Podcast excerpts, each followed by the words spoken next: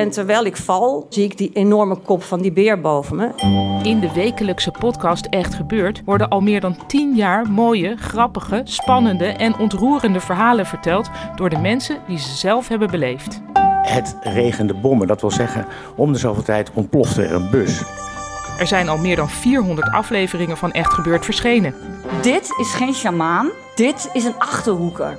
Abonneer je nu op Echt Gebeurd in je favoriete podcast-app.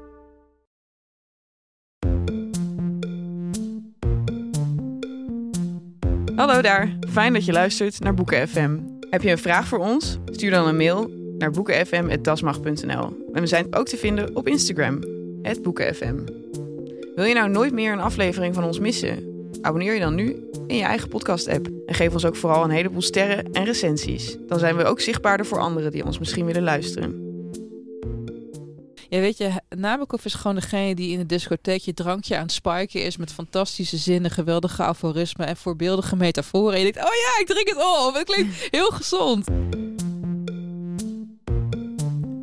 Hallo allemaal en welkom bij deze, de laatste aflevering van dit seizoen en ook dit jaar. Uh, aangezien het ook de laatste dag van het jaar is. Um, aflevering van waarvan, vraag je je natuurlijk af. Ja, volgens mij vraag jij het jezelf ook af. Ja, ik wijk een beetje af van mijn gewone zie je meteen een uh, zinnetje. Van zoekend om je heen kijken ja, van waar ben ik ook alweer? Wie uh, zijn deze mensen? maar goed, het is de laatste dag van het jaar, dus dan, dan mag het. precies, de, de drank is nu echt bijna op. Uh, en dit is Boeken FM, de literaire podcast van de Groene Amsterdammer en uitgeverij Das Mag. Ik zit hier met uh, Ellen Dekwiets en Joost de Vries. Helaas is onze producer nog steeds ziek. Uh, dus we moeten het nog eventjes zonder haar doen. Um, we zitten in de studio bij Dag en Nacht. En we zitten zoals altijd ja. in de studio van Dag en Nacht Media. Uh, we gaan het vandaag hebben over uh, een legendarisch boek. We hebben het vorige week al verteld. Dat is natuurlijk Lolita van Nabokov. Uh, maar voordat we dat gaan bespreken, gaan we het hebben over nog meer legendarische dingen. Namelijk, het is tijd voor eindejaarslijstjes. We hebben natuurlijk allemaal favorieten. In elke categorie. Gewoon elke van categorie. mensen en gebeurtenissen. nou ja, dat sowieso. Um, maar misschien is dit inderdaad een goed moment om even terug te blikken op dit jaar in kunst en cultuur en media. Um, misschien beginnen wij uh, bij het beste, beste boek van het jaar? Of is dat... Nou, ik had al op de, op, uh, de socials had ik een beetje gevraagd aan jullie luisteraars. Of in ieder geval jullie, jullie Instagram-volgers. Uh, wat, wat nou jullie favoriete boeken van het jaar was, zijn geweest. En een aantal boeken werden echt, echt. Ik was echt heel tevreden met de boeken die genoemd werden. Er zaten hele mooie titels bij. Tevreden, uh, wat een vaderlijke nou houding nou ja, heb je tegenover. Marion die mailde Oorlog en Vrede. Ook geen teksten bij, verder niks. maar alsof dat het enige boek was dat ze dit jaar gelezen Maar je weet dat dat pandering is. Toen dacht ik, nou Marion, als dit het ene boek is dat je hebt gelezen, dan heb je het gewoon goed gedaan. Gewoon prima. gewoon. En uh, Ellen, deze wilde ik ook even in jou voorleggen. Francesco mailde dat zijn drie favoriete boeken van het jaar uh, waren uh, Himmlers hersens heet Heidrich, ah. Wolf Hall oh. en de meester Margarita. Wat leuk. Nou ja, ze. Dit is een, een, oh. dit is een stalker van jou. Dit is duidelijk. Uh, hier is een duidelijke Ellen uh, uh, plaatsgevonden. Deze man is behoorlijk goed geïndoctrineerd. Gedekwietst. Ja. Hij is gedekwietst, ja. En andere boeken die veel genoemd werden, waren bijvoorbeeld de boek van Tove Ditlevsen. Ah, oh ja. en Wormaan. Oh, ja. Heidman veel genoemd. Daar waren wij niet kapot van. Mee waren we niet? Ik nou ja, ik, ik, was wel echt van onder de indruk, ja. Uh, en uh, wat ook veel genoemd werd, zoals dat de uh, kameel en de dromedaris. Nee, O, het, het lied van het lied van de dromedaar, dromedaris, de ooievaar en de robijn lopen Niet om de hele tijd over mijn werk in de boekhandel te beginnen, maar niemand die dat boek komt kopen weet hoe het heet. Ja. maar ze zitten hoe, altijd. Hoe vragen ze dat dan? Dat dikke boek over een kameel.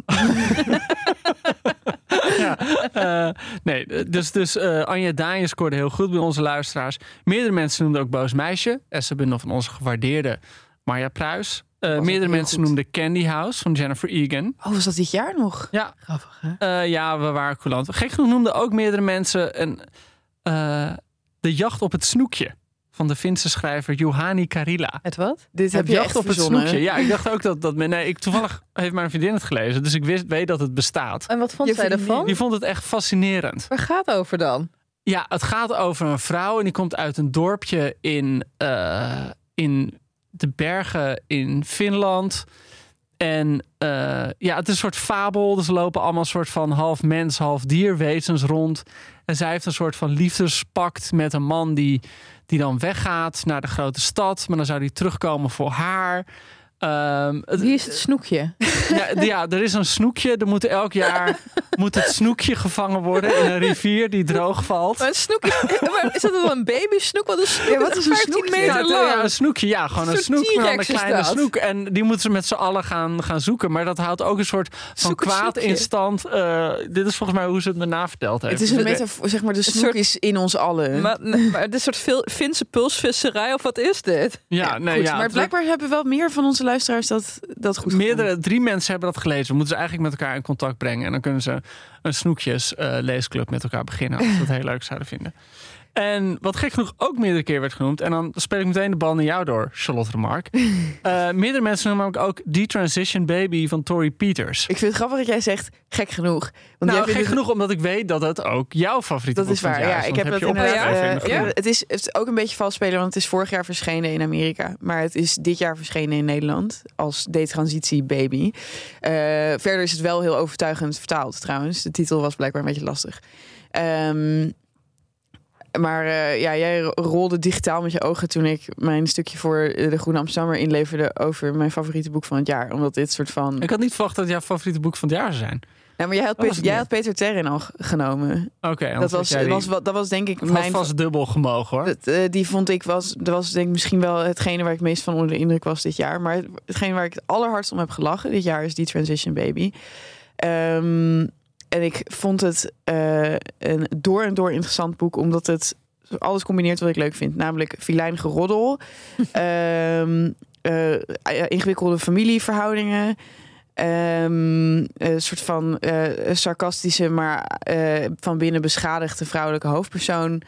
Ehm, eh, dat hele neurotische oude hoer dat zich in New York afspeelt altijd. Dus het had, het had voor mij gewoon alles. En het is natuurlijk weer heel hedendaags, omdat het zich afspeelt in de trans community van, eh, van eh, New York. In ieder geval, je moet het zelf lezen. Maar iedereen is al meteen turned off door de titel. En ik ja, heb het is geen goede titel. Nee. ik heb het ook niet bijvoorbeeld aan mijn vader cadeau durven doen of zo. Omdat ik dan denk niet dat hij super transfoob is. Dus die zo. gaf maar jij de jacht op het snoekje. ik denk Nee, dat nu hij. moet je gewoon de jacht op het snoekje geven. Ja, hij leest sowieso alleen dingen zoals de biografie van Steve Jobs. Sorry, papa. Ehm, eh, en een dik boek over Rusland dat ik hem voor Sinterklaas heb gegeven. Maar wat hier... ehm, ja, goed. Jullie weten wat er goed aan is. Ja, Het, ja. Ik vond het een fantastisch boek. Ik zou het iedereen nog steeds heel erg aanraden. Maar hieronder ligt iets interessanters. Dus jullie hadden eigenlijk stiekem allebei eh, Peter Terrin als favoriet. Ja, ik had, eh, Peter- ja ik, ik had twee boeken en een daarvan was Peter Terrin. Dat vond ik toch gewoon, nou, we, we hebben het uitgebreid in die podcast over gehad, ik niet te herhalen. Maar vond ik een heel uitzonderlijke roman. eh, eh, eh, een roman in verhalen, waarin die, die verhalen op zichzelf heel klein en menselijk en teder en vol verlies en vol verlangen op afstand zijn. Eh, en heel menselijk dus. Terwijl de constructie van die, al die verhalen heel kunstzinnig en, en eh, literatuur met een hoofdletter L eh, is. Dus die combinatie van die twee vond ik gewoon... Ja, wa- was het echt een boek zoals ik het nog niet eerder gelezen had op deze manier. Nu is Terren al vaker voor de Libris genomineerd geweest. Zou hij hem dit keer pakken? Ja, goede vraag is dat. Eh, Libris 2023 helemaal 2023. naar, eh, ik geef hem wel echt een goede kans om de Ja? shortlist te halen, denk ik, ja. Charlotte?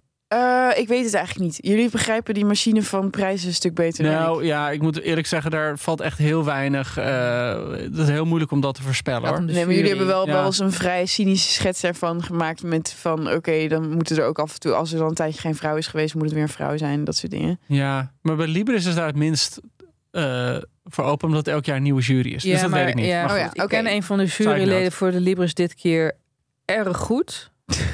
En die En- vindt het niet erg als je uit de school klapt. Nou ja, ik, dat, eh, eh, ik weet niet of hij het Peter Terren zou gunnen. Nou. Oké, Dus die zal dwars gaan liggen in de heel interessant om te weten. En mijn andere boek van het jaar, als ik nog een boek mag nemen, dat is dan wel een oud boek, maar dat is dit jaar voor het eerst vertaald.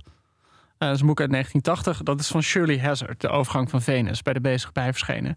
Dat is echt, echt een boek waarvan ik totaal stond te kijken. Het kli- klinkt echt, ik zou het nooit lezen op basis van de titel. Jij, De Charlotte? Overgang van Nee. Het klinkt- Ank Hermes boek of zo. ja, de overgang, het klinkt ook een beetje alsof het zo'n soort van astrologieboek is Het voor klinkt heel millennials. bejaard. Ja. juist. Ehm, of is de, is de zeggen. menopauze of zo? Wat is dit? Nee, nee. Het, het, ehm, Het gaat over twee weesmeisjes, weeskinderen. le- na, de, na de Tweede Wereldoorlog. kinderen op leeftijd. Ja, op, nee, ja, ik bedoel, in, ja, op leeftijd, dat klinkt heel fout. Ze zijn Maar ik geen bedoel, kinderen meer. Het begint gewoon als ze 16, 17 zijn. Oh. Niet dat ze, niet 50, maar dus niet ook 12 van, can I have some more, please?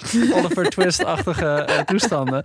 Ehm, eh, en die zijn in Londen na de oorlog en die gaan dan eigenlijk al bij hun pad in de liefde. En gek genoeg, ik, ik ben heel, ik jubel vaak over James Salter. Dit is een soort James Salter, maar dan met vrouwelijke hoofdpersonages. En echt van die vrouwen, vooral Caro, het gaat over twee Grace en Caro. En vooral die Caro is echt een heldin. Die een soort martelaar voor de liefde. Die een soort van grote liefdes en verlangens heeft. En passie, trouw en vrijheid. En die na durft te jagen. eh, wetend hoeveel pijn ze haar zullen doen. Ik vond het echt een episch boek. Haar man was Shirley Hazard, want ze is in 2016 overleden. Maar haar man zei ooit van... niemand zou dit boek voor de eerste keer moeten lezen.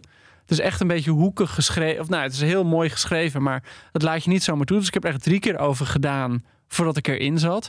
Maar als je er dan in zit, dan wil je ook echt niet anders. Dus dat vond ik echt, echt een boek dat ik echt eh, met me mee heb gedragen. En ik heb het in het Nederlands gelezen in vertaling. En nu ben ik het in het Engels, in het origineel aan het lezen. En jouw eh, favoriete boek van het jaar, Ellen? Nou, ik, ik- kijk, ik heb dus de. eh, ik, ik heb een heel gek jaar gehad, zoals jullie weten, eh, Joost en Charlotte en de luisteraars. Misschien hebben het wel een beetje zijnlings meegekregen.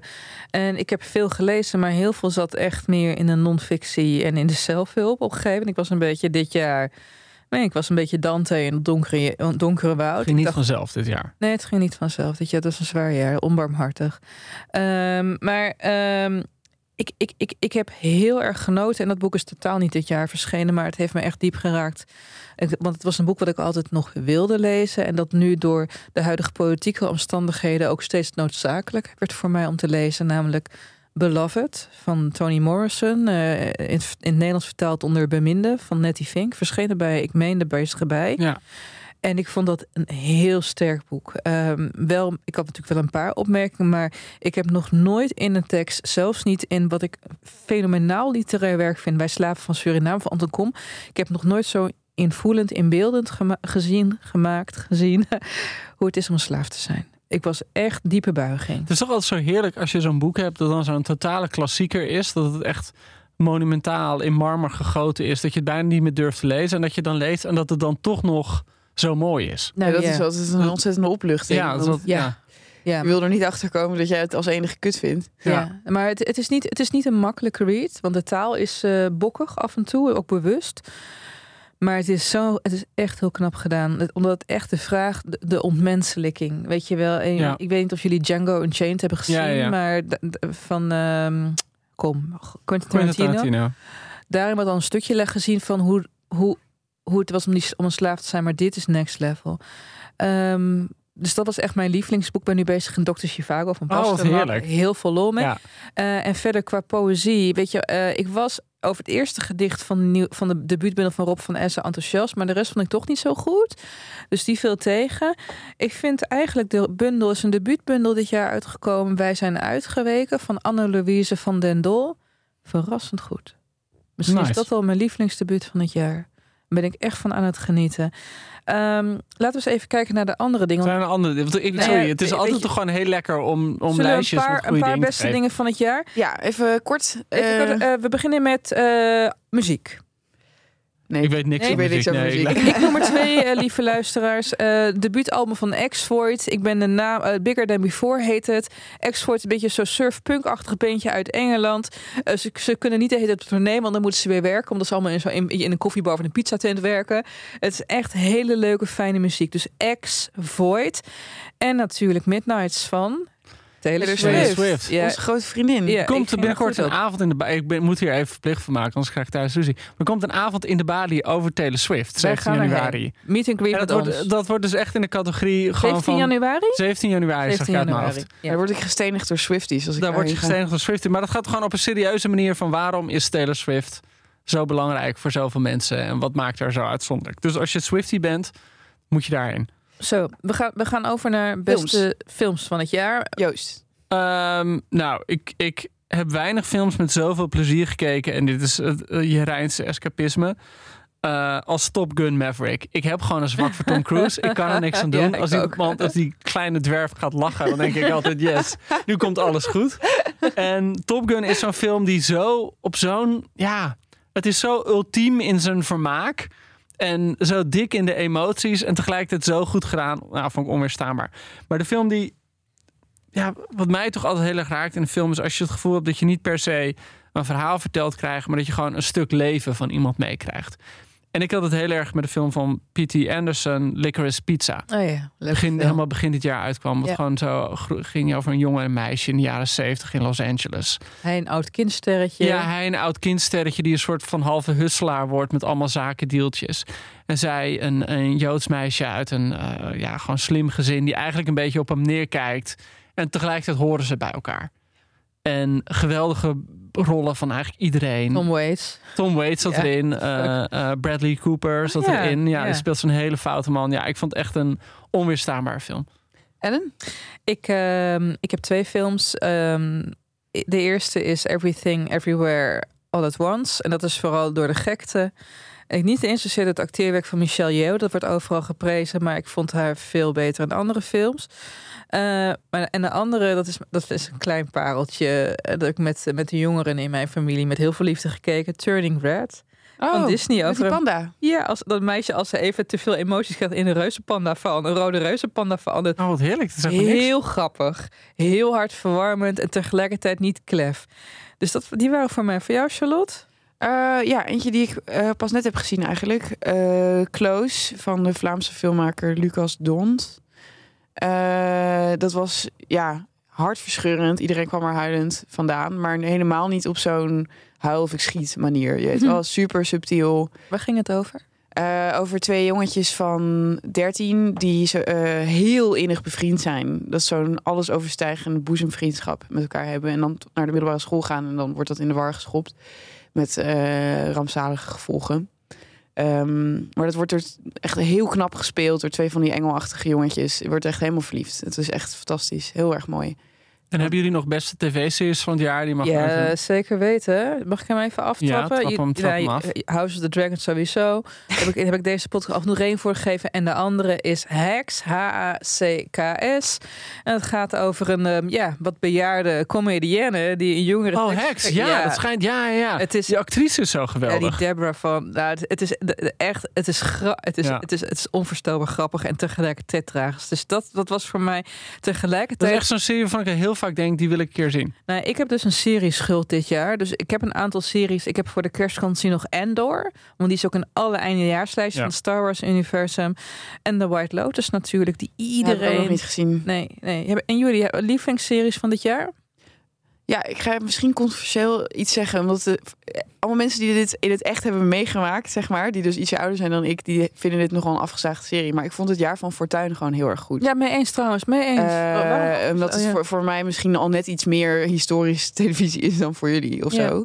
Maar ik hoorde van mensen van de leeftijd van mijn ouders wel een beetje zo van, nou ja, wij hebben dit allemaal wel heel erg net meegemaakt, zeg maar. Dus het is zo Ja, het intelligent komt het op ons niet 20 over. jaar geleden is. Ja, het, en Voor, voor, ja dat is, daar heb ik natuurlijk geen last van. Dus ik vond dat wel geweldig, omdat Ik vond- van uh, Ramsey Nasser heel goed vond. Ik ben met je eens. En ik, ik doe meteen maar mijn beste series van het jaar. Ik was het even helemaal vergeten. Wat niks te- over de kwaliteit zei.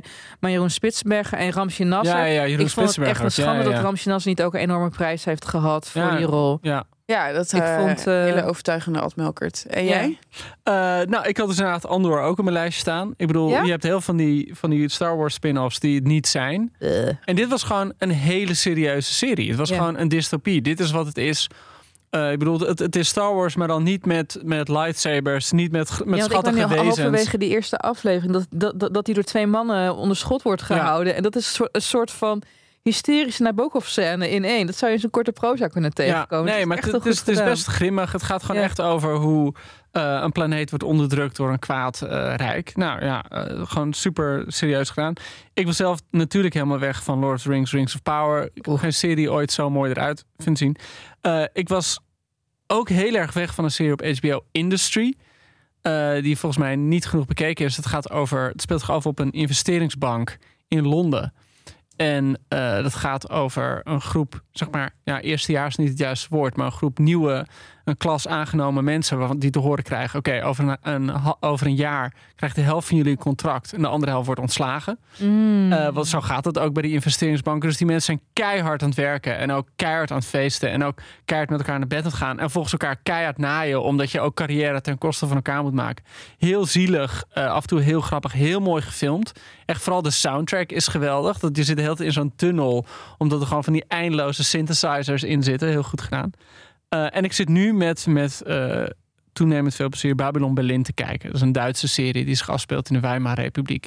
We zijn nu bij het vierde seizoen en eh er moeten moorden opgelost worden. Maar het is vooral eh, uiteindelijk zo'n jongen en een meisje, een detective en een, een vrouwelijke detective. En die hebben gewoon allebei van die zielige gezichten. En je gunt ze gewoon elkaar helemaal. En dat is echt een heel mooi, fijn gedaan serie. Ik voeg er nog één aan toe, maar ik weet niet zeker of die van 2022 is, maar The Dropout. Over eh, Elizabeth Holmes. Ja, dat is dit jaar. Ja. oh ja, van- dit jaar Ja, inderdaad. van Ja. Th- Theranos, die, die mega oplichter, waarin zeker Amanda Seyfried echt fantastisch eh, speelt. Hebben jullie de berg gezien? Daar is ook iedereen altijd helemaal weg. Ja, ik vind vooral, nou ja, goed. Ik heb, ik heb echt maar één aflevering gezien, maar die, hoe heet die jongen die hem speelt, die is echt geweldig. Eh, de Bear. Ja, het gaat over een, eh, een klein café of een klein eh, restaurant in Chicago. Geweldige serie. Eh, Jongens, volgens mij moeten we gewoon We naar, moeten eh, naar Low. ja, want als we het hebben over lijstjes met top 10 dingen, dan, Eindeloos. Ik bedoel, klootzak van het jaar Vladimir Poetin. Leukste toneelstuk van het jaar Indisch interieur. Oh ja, oh ja, Indisch interieur. Wat mag ik nog één ding vertellen over Indisch in- een beetje incestueus? Oh ja. Indisch interieur, supermooi toneelstuk van Botan Skeen over een Indische familie die, eh, nou, letterlijk het interieur gaat verdelen met alle. eh, eh, en ik, ik Bo Taarskeen ken ik, is een goede vriend van me. En die zei van ja, het was heel grappig, want Ellen Dekwits kwam kijken eh, in Alkmaar. Met Meili Vos. En eh, ze zei, zei van het was heel grappig, want er zitten allemaal grappen in het toneelstuk die normaal gesproken niemand kent. Behalve toen dat we in Alkmaar speelden, toen kon ik namelijk de hele tijd Ellen Dekwits als enige horen lachen in de zaal. In de zaal. Nou, luister, Meili lachte ook, maar die, was, die, die is Ja, 1,40 meter. ja, dus jij die lacht iets harder, denk ik, ja. Iets harder. Ja. maar Eh, ik vond het echt heel lollig. Ik had al een keer over de jaren gehad van Eline Arbo.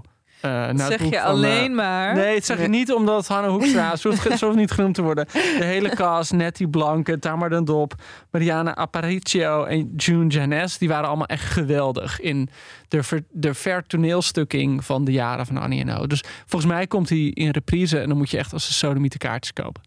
ja, ik wil heel graag heen. Mijn favoriete toneelstuk dit jaar was eh, Man, Man, Man van De Warme Winkel. Over de drie kinderen van Thomas Mann. Oh ja. Een soort van worstelen met, met de roem van hun vader. En dat ze daardoor zelf helemaal nooit een roman zullen schrijven die beter is dan die van hun vader.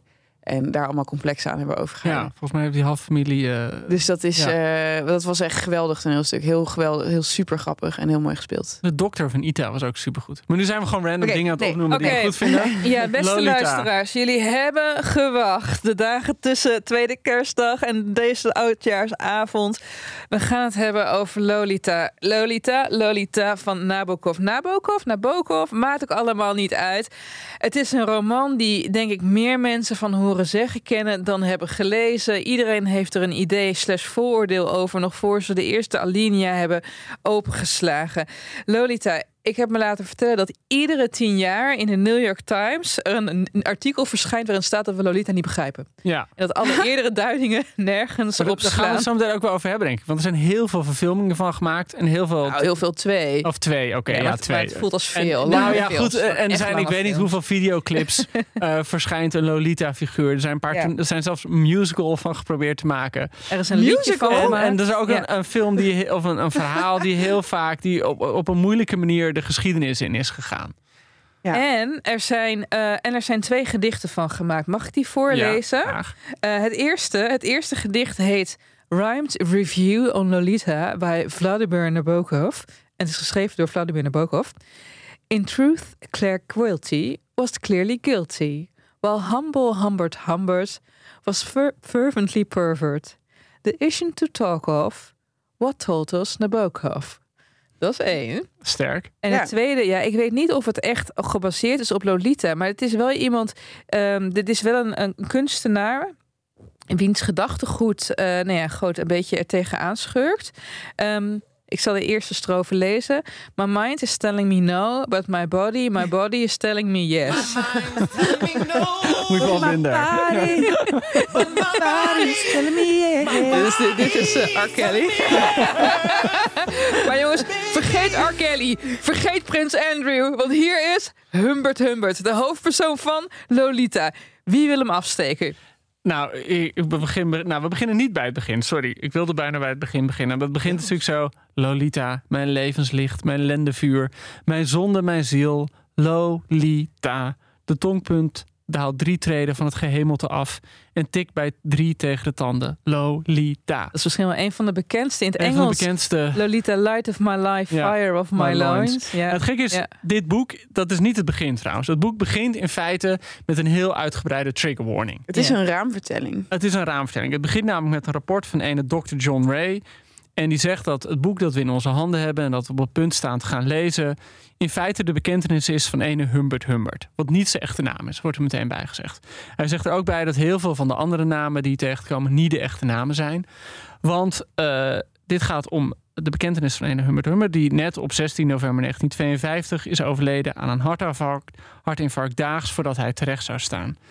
En Dr. Ray zegt dat er enkele namen van overlevenden onherkenbaar zijn gemaakt. Eh, maar dat een aantal andere namen wel echt zijn. eh, omdat dat geen kwaad meer kan. Bijvoorbeeld een mevrouw Richard F. Schiller. Die op eerste kerstdag 1952 is overleden in het kraambed van een doodgeboren meisje. Onthoud dat even. Het grappige is, Lolita is een boek dat je moet zien in de traditie, tot op zekere hoogte, van bijvoorbeeld Richard III van Shakespeare. Er is gewoon een Tragedie. figuur. Nee, het, het gaat er meer om. Mij gaat het in ieder geval meer om dat Richard III is een van de favoriete toneelstukken van Shakespeare voor het publiek, omdat het gewoon gaat over een schurk. En vanaf de eerste zin richt hij zich tegen het publiek en zegt: luister, ik ga jullie overtuigen dat wat ik ga doen geweldig is. dus dit, dit heeft bijna iets heel performance-achtigs zit erin. Dus hij richt zich op het publiek en zegt: ik ben een vreselijk mens, ik ga vreselijke dingen doen, maar jullie gaan met me meeleven. En Humbert Humbert doet een beetje hetzelfde op een bepaalde manier. Hij zegt gewoon: dit is het verhaal van wat mij is overkomen. Het is een grote liefde. En het hele boek lang. Eh, en ik denk dat dat iets is dat, dat, dat je altijd bij dit boek in gedachten moet houden. Je krijgt een verhaal van iemand die niet neutraal iets aan jou vertelt. Nou, sterker nog, in de literatuurwetenschap is dit het schoolvoorbeeld van de onbetrouwbare Ja, verteller. hij probeert jou te overtuigen van zijn kant van het verhaal. Letterlijk, want je weet uit dat voorwoord van die Dr. John Ray... dat hij op het punt stond terecht te staan. Dus hij heeft een, een verhaal voorbereid... dat hij aan de jury kan vertellen om zichzelf vrij te pleiten.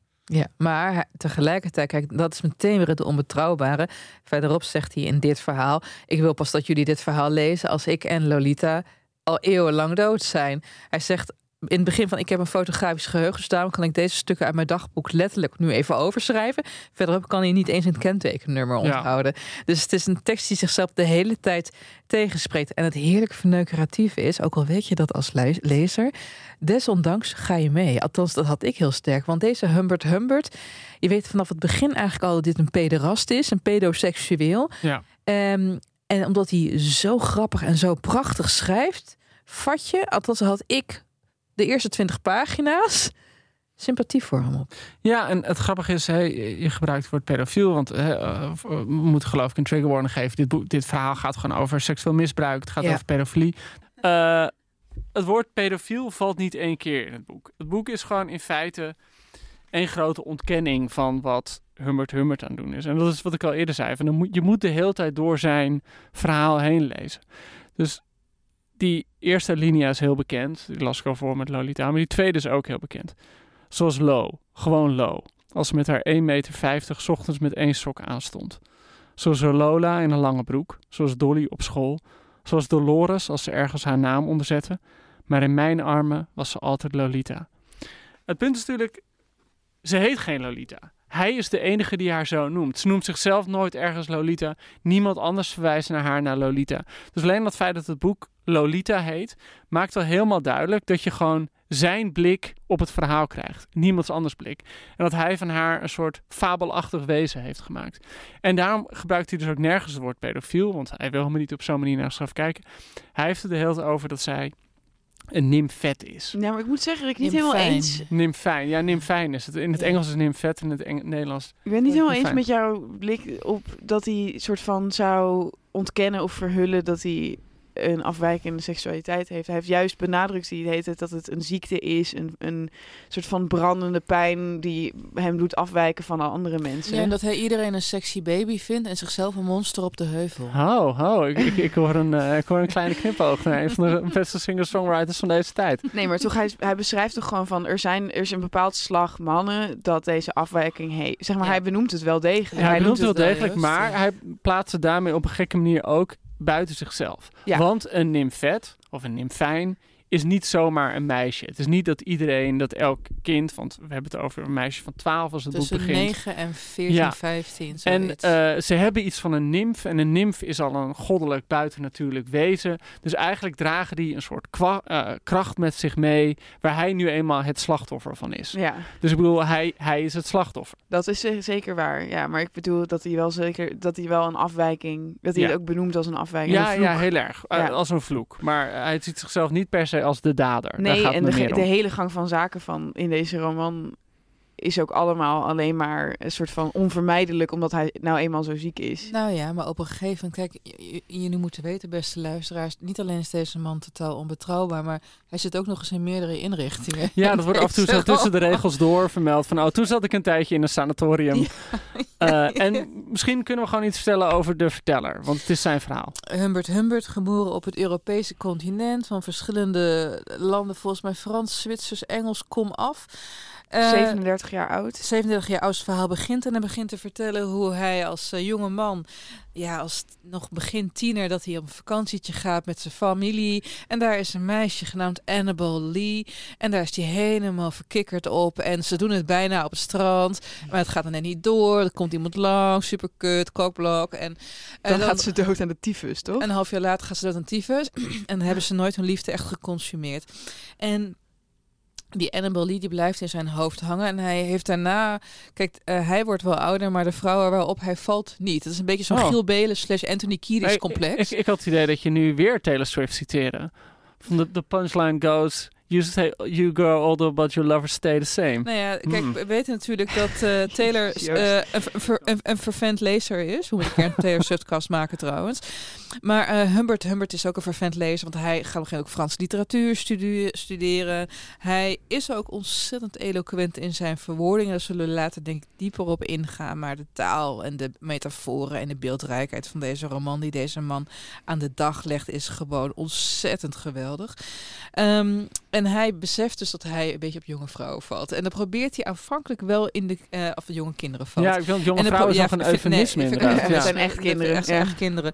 En op een gegeven moment trouwt hij, als hij ergens eind dertig is. En dat is dan met een vrouw die toch wel van zijn leeftijd is, maar wel slank en er jong uitziet. En die laat hij ook de hele dag in babydolletjes Ja, hij valt, op haar, hij valt op haar omdat ze zo leuk een babystemmetje kan opzetten. Ja, ja. Het is echt afschuwelijk. Ja. Het, is- het kan echt niet. En dan op een zeker punt, dan denk je, nou, weet je, hij gaat haar omleggen. Weet je, en hij, hij is er al een beetje klaar mee. En dan zit ze in een taxi. En dan zegt ze, ja, ik, ik heb een ander. En dan zegt hij, wie dan? En dan wijst ze naar voren. Dat is die taxichauffeur. Die dan ook meteen haar spullen komt verhuizen, toch? Ja, nou ja, op zich wel goed dat als je vertrekt dat je dan ook meteen... Maar goed, De dit is het verleden van. Humbert Humbert. Maar hij heeft een nieuw begin in Amerika. Hij gaat door naar Amerika. Hij, hij, zijn oom was parfumier. Hij sterft. Hij kan daar een deel van de business overnemen. Hij moet ook nog een soort van wetenschappelijk werk afronden. Maar dit, is, dit zijn precies al die dingen. Ik moest heel vaak denken aan cliënt E. Busken van Jeroen Brouwers. Die dus ook in die hele roman lang de hele tijd zegt... Ja, toen was ik meteoroloog. En toen was ik natuurwetenschapper. Maar dit is en natuurlijk zo. ook hoe Humbert Humbert overkomt op zijn hospita, Ja. Eh, Charlotte.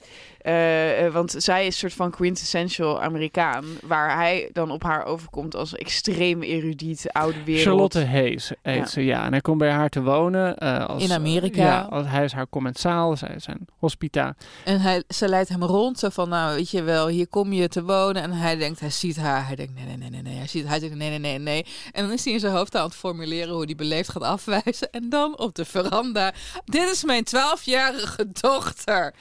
En hij zei, oké, waar kan ik tekenen? Dolores, ja, Het inderdaad. evenbeeld van deze Annabel, zijn Ja. eerste liefde. En dat is trouwens ook even om het over de belezenheid van Humbert Humbert te hebben en over Nabokov zelf. Je hebt een, eh, een gedicht van Edgar Allan Poe, ehm en Annabel Lee.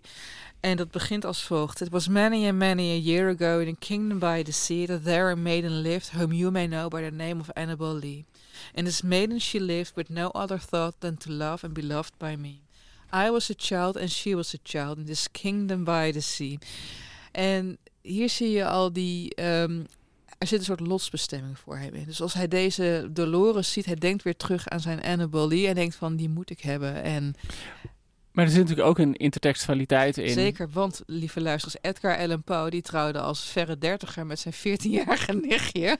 Ja, en die was ook niet zo vies van. eh, nee. je- Zoals, zoals er volgens mij ook heel verwijzingen in zitten naar eh, Alice in Wonderland. Bij Lewis dat. Carroll. Lewis Carroll, maar maar over ook wie naar ook. de Raven. Hij noemt op een ook zie Lenore, Lenore aan het roepen en zo. Dus dat zit er sowieso al in. Ik weet nog wel, kijk, ik, ik was 16 toen ik het boek las en ik zat toen best wel goed in Edgar Allan Poe. En dit was het voor het eerst dat ik zelf een intertextualiteit ontdekte. Grappig is dat, ja. Dat je Ja. opeens snapt dat die boeken allemaal met elkaar te maken hebben. en met elkaar in contact, ja. ik voelde me een brilsmurf. Nee, maar hij plaatst er dus al met Lewis Carroll en Edgar Allan Poe... eh, plaatst Nabokov, deze Humbert Humbert, in een rijke traditie van... eh, ja, mensen met een, een pedofiele impuls. Eh, Waar je tegelijkertijd heel apologetisch over is. Hè? Want hij zegt, ja, de oude Grieken, dat was helemaal geen probleem. En de Turkse sultans, die trouwden met meisjes van 12. Niemand, geen haankraaien. en daarna.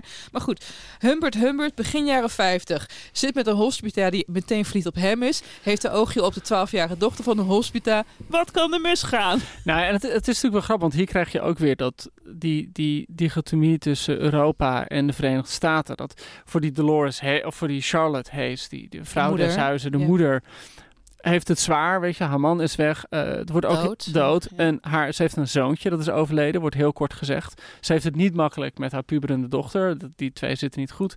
Dus hij, Ja, hij- maar luister, dat volgens Humbert Humbert. ja, Ja, ja, maar zij is best een brat. Ja, Ook, zij- zij- zij is best de ver- ogen van een verliefde. zij, zij praat soms een beetje vervelend over die moeder. Dus dat zit niet goed tussen die twee. En eh, zij leeft natuurlijk in dat naoorlogse Amerika, waar het gewoon gaat om groei en geluk en een grote auto en noem maar op. Vrijheid. Vrijheid. En opeens komt er zo'n hele eloquente, erudite, Europese, gesoigneerde heer aan. En zij is helemaal verliefd op hem. En dan komt een geweldige plotwending, want hij denkt alleen maar van... eh, dit is een on- onhoudbare situatie.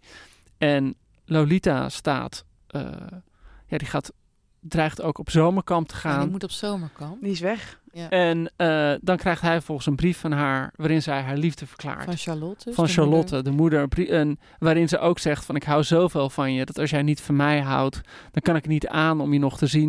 Dan moet je Eh, dus dan moet je huis weg. verlaten. Dus hij bedenkt opeens van ja, ik moet of met de trouwen of ik moet weg. En dan denkt hij, maar als ik met de trouw, dan heb ik ook Dolores, Lolita in Ik kan haar huis. knuffelen. Ik kan haar knuffelen. Want dan Ja. ben ik een vaderfiguur voor haar en dan Ja. kan ik heel dicht bij haar zijn. Het is zo, het is zo vreselijk. Dit. Dus hij Ja. trouwt met haar. ja, en S- snel, stil. snel, stil. En eh, eigenlijk begint het in dat huis, begint het al helemaal. Dat Lolita moet gewoon bij hem op schoot komen. En eh, dan krijg je al een van de eerste... Nee, hij schudt Nee, nee. nee, het klopt niet. Nee, het klopt niet. Ik, Ja, zeker wel. Daar zit, want, zeker niet. want waar die moeder bij is- is. Dit, dit fantaseert hij.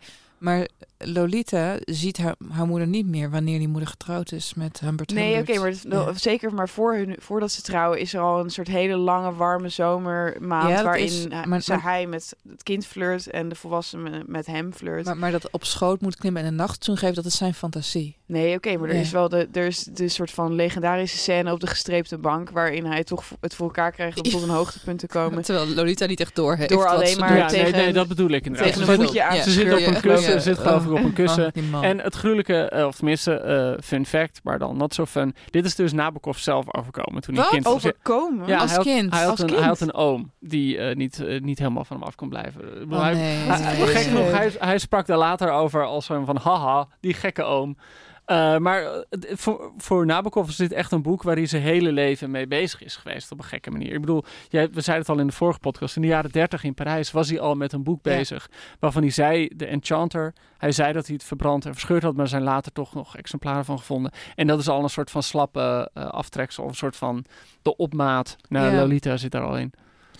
Ja, dus op een gegeven moment, hij is dus getrouwd met die Charlotte. En hij denkt, hartstikke idee. En eh, Lolita, die kan elk moment terugkeren van zomerkamp. En dan komt hij thuis en dan is Charlotte in tranen. Want classic moment. Ze heeft zijn dagboek gelezen. Dat ik altijd denk, hoe dom kan je zijn als je gewoon allemaal criminele dingen doet om dat in je dagboek op Nou, te maar hij zegt, mijn handschrift is voor iedereen onleesbaar, behalve voor het oog van een loving wife, blijkbaar toch. Zij houdt zoveel van hem dat zij het kon ontcijferen wat er stond. Namelijk dat hij alleen maar erotische fantasieën over haar dochter van 12 had. Zij is daar kwaad over. Dus zij rent Zo de straat kwaad op. Ja. dat ze de straat oprent en doodgereden Ja, wordt. ze, ze heeft een brief waarin alles in staat en dat wil ze opschrijven. En in een prachtige rent ze de straat op en wordt geschept.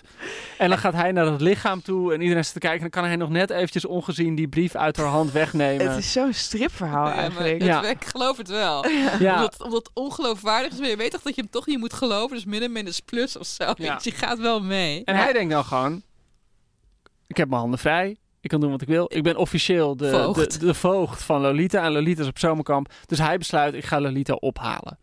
Surprise. Surprise, surprise. En dan... Hij dan- houdt nog even voor haar stil wat er met haar moeder is gebeurd. Die is ziek, die is ergens. En ze gaan haar misschien opzoeken in een Mama has a boo-boo on her throat. Ja, Ja, ja. en eh, dan begint een grote rondrit door Amerika. Met, en dat, dat is eigenlijk een heel groot deel van het boek. Ja, het is meteen een ode, lijkt het wel, aan het Amerikaanse landschap.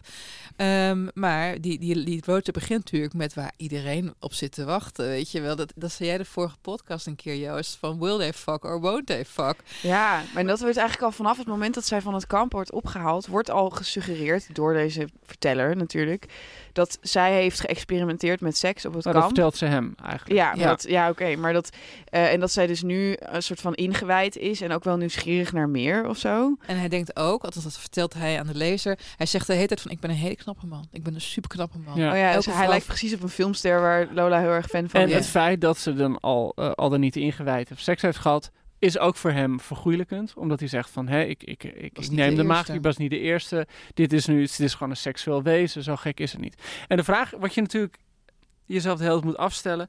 Hij doet het overkomen alsof er een grote liefde gaande is tussen hun twee of niet. En als Ja. lezer moet je afvragen, klopt dat of klopt dat niet? Het ligt natuurlijk voor de hand om te zeggen, klopt eigenlijk niet.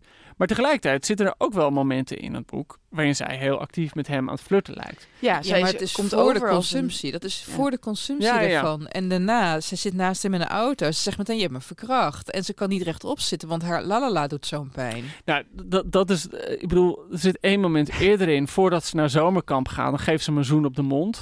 Weet je, en dat is voor hem ook zo'n bevestiging van nu mag het. En dan, weet je, dus die flirt lijkt te worden beschreven. En je kan je daar nog tot op zekere, zekere hoogte iets bij voorstellen. Dat zo'n meisje met haar stiefvader gewoon grapjes maakt. En hè, meisjes van, van 13, 12 kunnen ook gewoon een beetje flirten. Alleen dat wordt het moment dat het echt dat helemaal voorbij is. Dat ze inderdaad niet kan lopen en gewoon pijn eh, in haar buik en in, in de, de vrouwendelen heeft. Ja, en, en, en het speelse is ook gewoon weg. Kijk, je, je had vroeger ook eh, Thomas Seymour en eh latere koningin Elizabeth I van Engeland. Die had toen zij 13 was en hij achter in de 40 ook zo'n soort verstandhouding. Maar ja, dat, dat, dat, dat, dat wilde zij uiteindelijk blijkbaar toch niet heel erg graag. Zo, dus, dat was gewoon even een random Tudor even. Ja, nee, Ja, als we het die heel gunnen we je even- van harte. En Als we het heel even uit het letterlijke en het vleeselijke tillen, dan gaat Ja. dit toch natuurlijk vooral over hè, het oude Europa. Dat dan niet anders kan dan zich verlustigen aan, aan het jonge aan Amerika. het jonge Amerika. Ja, zo kan je het Dus inderdaad niet. zien. Aan de ene kant wel. Aan de andere kant kan je zeggen dat het een moreel oordeel is. Want zij kunnen verdwijnen in dat enorme, machtige, vrije Amerika. Waar niet alleen het landschap zo enorm is dat niemand Ja. je kan vinden. Maar ook de wetsystemen per staat Oh ja. verschillen of je met een 15-jarige mag trouwen. Sommigen zeggen niks over seksuele betrekkingen tussen een minderjarige en meerderjarige. Dus die zogenaamde vrijheid is ook een soort iets wat jongeren extreem in gevaar brengt. Zeker jonge Oh, vrouwen Ja. daar. Ja. En wat dan heel nasty is, is dat zij dan rond gaan reizen op allerlei manieren. En dat, en dat op dat moment merk je ook dat het helemaal niet eh, met consent is. Ik bedoel, hij betaalt Ja. haar eigenlijk om seksuele dingen te doen. Snoepjes. Dus snoepjes en, en wat geld. En op een gegeven moment, weet je, dan betaalt hij geloof ik 65 cent voor een handjob. Dat lijkt heel goedkoop, jongens, maar het was 1950, hè, dus Dat is een 65 cent toe, daar kon je ja. gewoon een appartement en een baarsjes van kopen. Eh, en, maar wat je dan volgens ook ziet, is dat hij dat geld, als hij dan ligt te slapen, dan steelt hij het weer. En dan zegt ze, oh, ik ben, ik ben het Maar vast weer jongens, kwijtgeraakt. Hoe we het nu bespreken, is uiteraard wat je eruit moet meenemen, is dat hij de grote crimineel is. Maar je, het is, de, als de eerste keer ik het las, moet ik heel eerlijk toegeven dat ik hem niet als zodanig Nee, maar las dat is het knappe. Ja. Dat had ik ook, want ik, ik was heel jong toen ik las en ik vond hem echt fantastisch. Ik vond hem zo lollig. Nou, ja, omdat hij zo wel bespraakt Ja, is. En, hij En ook wel heel geestig. En ja. lekker op een, op een leuke manier gemeen. En En zij is ook eh, ergens eh, die, die kleine soort van bijna huwelijksworstelingen die hij met haar heeft. Met Ja. zij, hè, zij eh, wil de tennislessen niet die hij voor haar betaalt. En ze is eigenlijk een beetje plat naar zijn smaak. En ze wil eigenlijk alleen maar domme tijdschriften lezen terwijl hij haar aan de literatuur probeert te helpen.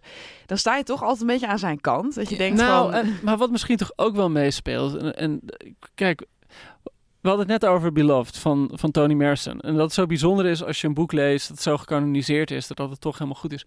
Kijk, Lolita, iedereen kent Lolita zonder het boek gelezen te hebben. Ja. En dan denk je niet aan een meisje van 12. Je denkt gewoon aan een meisje van 15, 16. Want in alle films en alle wassen of en videoclips, noem op, is het altijd een meisje van die leeftijd die heel verleidelijk is met een rode zonnebril op. Die een beetje kijkt hoe ver kan ik gaan. Eigenlijk alsof het vanuit haar komt. Ja. En dus Ja, eigenlijk zeker. is de, de, de culturele geschiedenis van Lolita, is Lolita de eh, handelende partij. Terwijl als je dit boek leest en je leest het goed, dan is dat echt omgekeerd. Ja. Ja, maar hij schetst haar wel als een verleidster. En dat is blijven hangen, denk ik. Ja, Ja, dat is, en dat is heel cru. Aanvankelijk, want verderop in de roman, kijk, je, je moet je voorstellen, beste luisteraar, laten we even een stap voorwaarts doen in het verhaal. Op een gegeven moment gaan ze in een dorpje wonen, gaat ze naar school, weet je, dan kan hij aan zijn m- meesterwerk van wat dan ook werken en zo. En dan gaat zij op een gegeven moment meespelen in een toneelstuk daar en hij zit met argusogen naar haar te kijken van fuck, ze is aan het groeien. En dan bedoelt hij fysiek, hè? niet Ja. geestelijk. Want geestelijk kan het helemaal niet Ja. schelen. En hij schreeuwt zich van je dijbenen worden te dik. Weet je, want door Oh alle ja. tennissen wordt ze natuurlijk best wel gedrongen. En hij ziet gewoon, hij noemt ook ergens dat nymfijnen later begraven worden in de volwassen vrouwen waarin ze terechtkomen. Ehm, op een gegeven moment zegt Lolita, hij zegt van hé, hey, ik vind deze school ruk, laten we weer gaan rondtoeren. En hij ruikt dan geen nattigheid en dat doen ze. En in die periode zegt hij op een gegeven moment ook dat, of zegt hij aan de lezer van, ja weet je, natuurlijk merkte ik het wel hoor, dat als ik s'nachts deed alsof ik sliep, ze naast me aan lag te huilen in bed. Of wanneer ik haar weer na een keer seks weer op schoot nam, ze zei, oh nee. Dus Ja. weet je wel, hij heeft het echt wel door. En zij als de Magdalena, de woeste verleidster, dat wordt, dat wordt, dat wordt afgekaft. En zoals bijvoorbeeld ook dat, dat geld dat ze, eh, eh, dat Ja, die ze spaart verdient. geld om te Ja, vluchten. en ze doet net alsof, dat, alsof ze dat doet om snoepjes te kopen, maar ze spaart het gewoon. Ze Ja. probeert gewoon geld op te bouwen omdat ze, ja, ze wil weg, in feite. Ze wil waarom, vluchten. dit is misschien een gek vraag, maar waarom onthouden we dit elke keer verkeerd? Waarom spreekt dit, het meer tot onze verbeelding als dit maar dat een is, dat, is, dat is wel echt een van de vreemde dingen. Toen het is. boek uitkwam in 55, nou, Ja. de, de geschiedenis van dat boek is allemaal heel ingewikkeld. In Amerika mocht het afhankelijk niet uitgegeven worden. Toen is het in Frankrijk uitgegeven door een Amerikaanse uitgeverij in Parijs. Meteen gebannen. Toen werd meteen gebannen, maar toen raakte het boek wel in omloop. En toen kreeg je allemaal schrijvers zoals Graham Greene, die vond het allemaal heel mooi. Dus eigenlijk had het al allemaal eh, ja, ronkende aanprijzingen En voor, voordat het echt verscheen. En net zoals met, met, Madame Bovary eigenlijk. En dan heb je, wanneer het dan verschijnt, als, weet je, als er rechtszaken dreigen en zo, perfect, dan heb je een bestseller. En in drie weken tijd werden in Amerika van deze roman 100.000 exemplaren verkocht. En dat Wow. was in die periode niet meer gebeurd sinds Gone with the Wind van Margaret Mitchell, wat een uber-bestseller was. Maar het cruwe is dan dat als je dan ziet hoe die eerste besprekingen zijn van, nou, van Graham Greene bijvoorbeeld, of van Lionel Trilling, echt van die grote schrijvers en critici waren dat in die tijd. En waar gaat het boek voor hun over? Een liefdesverhaal. Het is een tragisch liefdesverhaal van een man die door een meisje wordt opgewonden. En eh, het is hè, star-cross lovers, ze mogen niet samen. Wat natuurlijk een hele gekke eh, aftekening is van, van ja, wat het boek van Nabokov precies doet. Want dat boek, en, en Nabokov heeft het zelf ook wel in interviews gezegd, ik sta niet aan de kant van Humbert Humbert.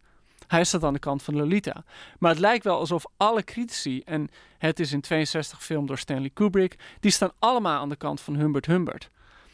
Eh, dus, dus daar is gewoon iets heel geks gegaan in hoe het boek is opgestuurd. Nabokov had toen dit boek uitkwam en zo'n David succes was, was het Halloween. En dan stuurden mensen hun kinderen bij hem langs, verkleed als Lolita. Ha ha ha, zeiden die ouders dan. Terwijl hij gewoon dacht, dit is een meisje van 12. Dit, dit kan gewoon niet. Ja. En je had toen die verfilming van, van, van Stanley Kubrick, werd ze ook ouder gemaakt. En hij maakte zich daar gewoon heel veel zorgen om. En hij had echt heel vaak het gevoel van mensen snappen niet wat het boek is. Ja, want dat meisje in, bij Kubrick is 16. Die was 16 toen er werd gefilmd. En de latere verfilming in begin jaren 90, Dominic Swan, die was Ja. 15 of zo. Ja, was 15. Zij werd wel jonger gemaakt dan in die eerste film, had ik het idee. Maar, ja, het maar wat, ziet er al viezer maar wat uit. bijvoorbeeld heel cru is, en ik bedoel, het zegt ook veel hoor, maar dat is pas een paar jaar geleden bekendgemaakt. Die eerste actrice, die was dus 14, Sue Lyons. Of nee, eh, ze was geloof ik 16. Ze was en 16. Lolita in, het, in de film, in het boek is ze 12, 12. In, het, in de film was ze 14. Die bleek later gewoon door de producer van die film misbruikt te zijn. Jarenlang daarna. Maar eh, weet je, wel, je, je- je creëert een, een, een environment, een toxic environment waiting to happen. En als we even kijken naar een documentaire die begin dit jaar uitkwam, Phoenix Rising. Dat is een documentaire van de actrice Evan Rachel Wood, bekend van onder Oh, andere ja. Westworld. En zij heeft dus jarenlang een relatie gehad met Marilyn, Manson. En er is een nummer van Marilyn Manson, Heart Shaped Glasses. Dat is dus naar de Heart Shaped Glasses die Lolita in de Stanley Kubrick verfilming draagt. En op een gegeven moment vraagt hij aan eh, Evan Rachel Wood, die toen 19 was, van je met mij in de clip spelen? Doen we alsof we seks hebben. Haha, terwijl we overgoten worden met bloed, want Marilyn Manson. Ja. En dan doen ze alsof ze seks hebben, maar ondertussen penetreerde hij haar wel voor die hele cast. en dat vond ze extreem, extreem, extreem traumatiserend. Ik zou aan iedereen die ook in de MeToo-beweging geïnteresseerd is, Phoenix Rising, kijk hem, kijk hem. Maar je creëert een omgeving waarin allereerst, ook al is het in binnen de grens van fictie, dit normaal is. En ten tweede, omdat het normaal lijkt in de fictie, kan het misschien echt gebeuren. Dat heb je Nou ja, en, eh, maar wat, wat dus zo typisch is. Ja, ik heb dus net een podcast geluisterd. Die heet de Lolita podcast. Hm. En met de Lolita podcast kan je op, dat is een paar jaar oud, van Jamie Loftus. Dat is een Amerikaanse comedienne. En, en die heeft een hele podcast niet over het boek, maar meer over de nalatenschap. ja, Maar die legt bijvoorbeeld ook uit. Een Basje Boer, ik moet even reclame maken voor Basje Boer, sorry. Basje Boer eh, schrijft voor de Groene Amsterdammer. En die schrijft heel slim over film. En dan vooral over vrouwenrollen. Dat is echt haar specialisme. ja. En ze heeft net een boek gemaakt. En ik dacht eerst van, oh, het zijn gewoon wat essays. Maar nee, het is echt een heel lopend verhaal. Heel imposant. Het boek heet Pose. Eh, eigenlijk over vrouwenrollen in film. En over hoe er naar vrouwen wordt gekeken. En wat die blik met je doet. Nou, en die schrijft dus, die schrijft ook uitgebreid over Lita. En die beschrijft dus ook dat die heart-shaped glasses, Mhm. die zitten helemaal niet in de film. Stanley poster. ja, poster, Stanley, ja. nee, maar dat vind ik zo grappig. Dat Stanley Kubrick eh, was die film aan het maken en toen vroeg je even een bevriende fotograaf, kun jij een foto maken voor de poster? En de fotograaf komt aan en die denkt, nou jong meisje, oké, laten we er zo sexy mogelijk neerzetten met zo'n bril op En een lolly. en een lolly. Ja. Eh, en daarmee is gewoon dat, dat cliché geboren. Wat Eh, interessant. en het gekke is dus met, met Nabokov, die was toen betrokken bij die eerste verfilming. Eh, en die heeft toen een filmscript geschreven dat als ze dat zouden verfilmen, zou het zes uur duren. Oh, Eh, en dat kon dus helemaal niet. Maar die maakt zich dus heel erg zorgen over. Omdat hij gewoon voor zijn ogen zag gebeuren. Van Lolita wordt van een meisje een soort van seksueel wezen gemaakt. Wat ze eigenlijk niet hoort te zijn. En wat voor Nabokov zo belangrijk was, is dat eh, het boek wordt verteld. Het is niet een vertelling, het wordt verteld. Dus er is iemand actief probeert jou iets Ja. wijs te maken. Ja, iemand gaslight je waar je bij ja staat. dat is het. En Dat in is die film aan film. en in die film verdwijnt dat Precies. helemaal. ja, maar Dus je kunt dit. niet door iemands ogen Nee, kijken. nee of je moet alles met een soort van rare voice-over doen of zo. Maar ik heb dan een beetje een vraag over een soort van wat mensen nu van Lolita vinden. Ik, eh, voor eh, een onderdeel van mijn werk moet ik af en toe op TikTok zitten. Mhm. Ehm, en kijken naar wat de tieners van literatuur vinden. En zij lezen Lolita echt met afgrijzen en noemen het ook een problematic boek. En Ja. eh, dat, ik dacht natuurlijk eerst van, oké, maar wat een onzin, want het is grote literatuur en je moet boven de moraliteit van het boek kunnen staan en gewoon het beschouwen als een heel intelligent verhaal of zo. Maar wat Ellen net zei over van, nou ja, de fictie maakt dit soort dingen ook aannemelijker of zo. En Het we zijn dus. Lolita sexy gaan vinden, Ja, deels maar- door dit verha- tragische verhaal. Maar deels ook omdat er in onze cultuur nog steeds een soort van fetish bestaat met het seksualiseren van kinderen.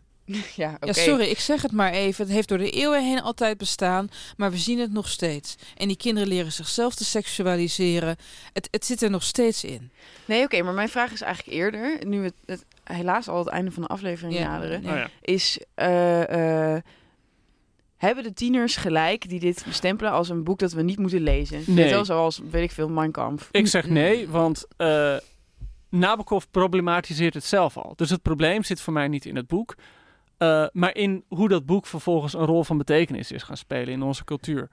Eh, en dat is, dat is wat er natuurlijk gewoon zo ontzettend ja, cru aan is. Ja, Het toont ook de kracht van woorden. Waar we hadden het net even over gaslighten. Het toont de kracht van, van, van een schijnovertuiging. En dat doet hij eigenlijk best wel goed. Want ik heb ook heel veel reviews gelezen over dat mensen wel sympathie hadden voor Humbert Humbert. Ik denk van, eh, heb Ja, je, ja. wat Ja. is hier Ja. aan de hand? Ja. Laten, laten we dan even een beetje alvast afronden. En het, het, het Nou, misschien einde- moeten we iets, ja, ja, naar het einde van het boek Ja, toe gaan. Ook, Want eh, lieve luisteraars, op een gegeven moment worden, worden, gaan Lolita en Humbert Humbert weer op roadtrip en merken ze dat ze geschaduwd worden. En op een gegeven moment verdwijnt Lolita en Humbert denkt dat die man die hen schaduwde hum, eh, haar heeft ontvoerd. En dat blijkt dan ook zo te zijn. Jaren later, Lolita is dan 17, krijgt hij een brief van haar van hey lieve pap, eh, ik ben nu getrouwd met een gast en ik ben zwanger en ik heb geld nodig. En dan weet hij via via te achterhalen waar ze woont en dan komt hij langs en dan, ja, dan is ze zwanger. En nog steeds houdt hij wel van haar, maar ze is natuurlijk geen nymfijn meer. En dan geeft hij haar het geld, wat eigenlijk het geld is van haar erfenis van haar moeder. Maar ja, fuck dat. Hij lijkt eventjes heel erg gul. En vervolgens zoekt hij ook de man op die haar ontvoerde. Dat is dan Ja. een toneelschrijver. dat is dus niet de man met wie ze, van wie ze zwanger is. Dat Nee. is Richard Schiller. Eh, maar ze, de toneelschrijver Claire Quilty. Quilty, ja, Claire Quilty. Quilty is guilty. Ja. En die kende haar ook al vanaf dat ze een kind was. Want Ja. die regisseerde het toneelstuk waar zij als meisje in Ja. speelde. Dus het is allemaal, weet je, feit en fictie lopen weer door elkaar heen. Iedereen poseert, iedereen is een personage. En tegen het einde van de, roman jast eh, ja, Humbert Humbert meerdere kogels op een hele klunzige, maar geweldig geschreven manier. Ja. Door deze quilty heen. Maar in die Quilty zit ook al iets van die hypocrisie van, ehm, van Humbert Humbert zelf. Omdat eh, Quilty is dus ook pedofiel Ja. en zit achter haar aan. En bij haar vindt, en hij wil ook eigenlijk het liefst pornofilms met haar maken, blijkt later. Eh, en van haar vindt, of van hem, van Quilty, vindt hij dat vreselijk. En die man moet gestraft worden. Eh, terwijl dat natuurlijk precies is wat zijn fantasie is. Ja, ja, maar, hij beschouwt zijn liefde als Ja, zuiver. nee, tuurlijk. Als Maar, dat, is, dat, is, dat is Ja. gewoon die bullshit. Ja. Ja, maar tegelijkertijd, hij redeemt zichzelf wel. En dat maakt het extra kwalijk. Want hij zegt tussen regelslippen door... Ja, eigenlijk heb ik haar jeugd gejat. Ik heb haar jeugd verwoest. Ja, maar Dat dat, is zo interessant. Humbert. Dat neemt hem uiteindelijk voor de lezer in. Is dat hij zoveel aan zelfbeschouwing en zelfkritiek doet. Dat je ook alleen maar met hem mee kunt leiden of zo. Ja, behalve Ja, nu, ja. jaren later, als je het herleest en je denkt, wacht eens even. Het, is, het is gewoon altijd zo erg om. Dat vind ik altijd de ergste mensen van die. eh, oké, mannen hebben daar soms een handje van om te zeggen: ja, ik ben gewoon een ontzettende eikel, maar dit en dit. En En dan is het zo van dat als je het, Het over, je, als je over Ja. jezelf zegt, dan telt het niet meer. Van, ja. ik ben een beetje een racist hoor, maar ho, ho, ho. Ja, op het moment dat je het zegt, ben je het nog steeds. En nee, dat dat is, waar. Maar dat is zo kundig gedaan door Humbert Humbert. Dat, eh, Nou ja, je, je raakt op een gegeven moment als lezer krijg je een dilemma. Je gaat je schamen, had ik althans voor het esthetisch genoegen. En ook de enorme humor, want die man is Ja. grappig. Mijn moeder stierf toen ik, 16, of toen ik 12 was. Haakje openen, picknick, komma, bliksemschicht, haakje ja, sluiten. Ja, heerlijk. Die man Ja, is, ja. eh, het is echt heel lollig. Maar op een gegeven moment ga je schamen voor zowel het esthetische als het humoristische genoegen dat je eraan beleeft. Ja. Wat meteen ook een enorme veiligheidswarning is voor wat literatuur teweeg kan brengen. En dat vind ik de echte kracht van dit boek. Dus ja, jongens, het Ja. is een heel omstreden Ja, boek. nou ja, en- Moeten en we het is- lezen of niet? Dat is denk ik waarom mensen het problematisch noemen. Hij maakt je gewoon medeplichtig. Ja, Gewoon als jij gezegd. erin meegaat, dan, dan sta je aan zijn kant. Dus Ja. het is een heel gek mechanisme dat je dat boek leest en eigenlijk kant moet kiezen tegen de verteller. En juist, hè, dan, dan ben je weer bij Richard de Derde. Juist omdat die verteller zo lekker is en zo vettig en grappig, is dat gewoon heel moeilijk je daartegen te verzetten. De grap is eigenlijk, ik, ik zat hier nog over na te denken en ik, ik zei van, kan je alleen maar op deze manier compassie krijgen voor een pedofiel? En ik moest denken even aan het boek Muithond van Inge Schulpenoort. Oh ja, wat ja. gaat over een voormalig veroordeelde, ook voor pedoseksualiteit, die een vriendschap met een jong meisje, weet je die uit alle macht probeert zichzelf tegen te houden. Weet je wel, dus je kan het ook wel op een niet-ironische, door stijl manier te doen. Maar ja, weet je, Nabokov is gewoon degene die in de discotheek je drankje aan het spiken is met fantastische zinnen, geweldige aforismen en voorbeeldige metaforen. En je denkt, oh ja, ik drink het op. Het klinkt heel gezond. En het, wat gewoon helemaal cru is, hij gaat dan weg en hij ziet Lola of ziet Lolita daarna niet meer. eh, omdat hij Queer Culty gaat neerschieten en wo- wordt gearresteerd. Maar als je dan weer even terugbladert naar het begin. Eh, het rapport van de ene dokter John Ray. Die zegt dat een aantal namen van de personages veranderd zijn. Omdat ze nog leven. eh, maar dat het niet geldt voor mevrouw Richard F. Schiller. Die op eerste kerstdag 1952 is overleden in het kraambed van een doodgeboren meisje. Dat is dus Lolita. Dus het is ook, het is zo, ik bedoel, het boek is echt een massacre. Alle personages Alle gaan vrouwen, dood ja. ongeveer. Alle vrouwen gaan Alle dood. vrouwen gaan dood, ja. Eh, en, en buiten beeld sterft Humbert Humbert dan ook aan een hartinfarct. Maar, eh, maar eigenlijk is dat ook weer een daad van genade. Want op een gegeven moment is hij aan het dromen dat hij bij Lolita een kind verwekt. Dat hij dan tien jaar later weer kan misbruiken. ja, dat Ja, daar... het ja, is Een ja, ja, matryoshka-pedofilie. Precies, precies. Ja, En, en dan ja. incest ook nog erbij. Weet je wel? Maar goed, ehm, we gaan hem afronden, jongens. Want hier valt veel meer over Valt te zeggen en te denken. Maar lieve luisteraar, ik bedoel, we hebben je... eh, ja, de trigger warning eh, duurde 50 minuten. Besluit zelf of je het gaat lezen of niet. Zullen we even een rondje doen van wel of niet lezen plus een cijfer? Ik ga hier geen cijfer aan geven. Nee, het voelt heel gek om hier een cijfer aan te geven. Mag ik nog Oh, één, ding, één ding opmerken? Ik had, het, ik had het met Basje erover, Basje Boer, die over die verfilming schrijft. En zei, de, de laatste filming is van 97 en dat is ook weer met zo'n hele hotte Lolita. Ja, En ja. eigenlijk zou het nu een keer verfilmd moeten worden, ik Met zal niet kind. zeggen door een vrouw, maar eigenlijk zou, als je het nu zou verfilmen, zou je het perspectief van Pnin moeten gebruiken. Zodat je eigenlijk sommige hoofdstukken ziet vanuit Humbert Humbert, lekker zoet gevoiced. En dan af en toe het perspectief van iemand anders. Want dat is Ja. natuurlijk ook wat er in het boek zit. Ze maken die rondreis en hij voelt vaak genoeg de blik van anderen en weet van oké, nu moeten we vlug weer naar het volgende motel. Dus eigenlijk zou, zou zo'n perspectief erin moeten zitten om het nog... ehm, Ja. in het boek kan je dat niet doen, want dat doorbreekt de vertelling. Nou, dat ben ik niet met je eens. Dat heb je wel in een roman Menuet van Louis Paul Boon. Waarin, Jongens, jongens, eh, jongens, jongens. Oké, jongens, eh, we, we gaan hem afsluiten. Eh, ik ga hem in mijn eentje dan een cijfer geven, omdat jullie het niet durven. Ik geef ze een dikke vette 9, omdat je alles gaat afvragen over de moraliteit van zowel menselijk handelen als van fictie, als van stijl. Bam. Ja, nee, helemaal met je eens. Eh, inmiddels zijn de oliebollen in het vet. Het is denk ik tijd voor ons Ja. om af te sluiten. We moeten naar huis, anders dan gaan we door de vuurwerkregen heen. Eh, gelukkig nieuwjaar alvast aan Ja. jullie, de Ja. luisteraars. En een mededeling, vanaf 9 januari is er een nieuwe podcast te luisteren van NPO Luister en Afrotros, genaamd Poëzie Vandaag, waarbij op elke werkdag een zekere Ellen Dekwits u elke ochtend één gedicht voorleest met een kleine duiding van 5 minuten. Wat heerlijk. Leuk. Ik heb er nu heel zin Dat in. is pas echt een gelukkig nieuwjaar. En wij hebben denk ik twee of drie weken pauze en dan zijn we er weer. Oké De- we zijn gewoon binnenkort weer terug. jongens, gelukkig Tot dan. nieuwjaar. Beste Dag. mensen. Dag.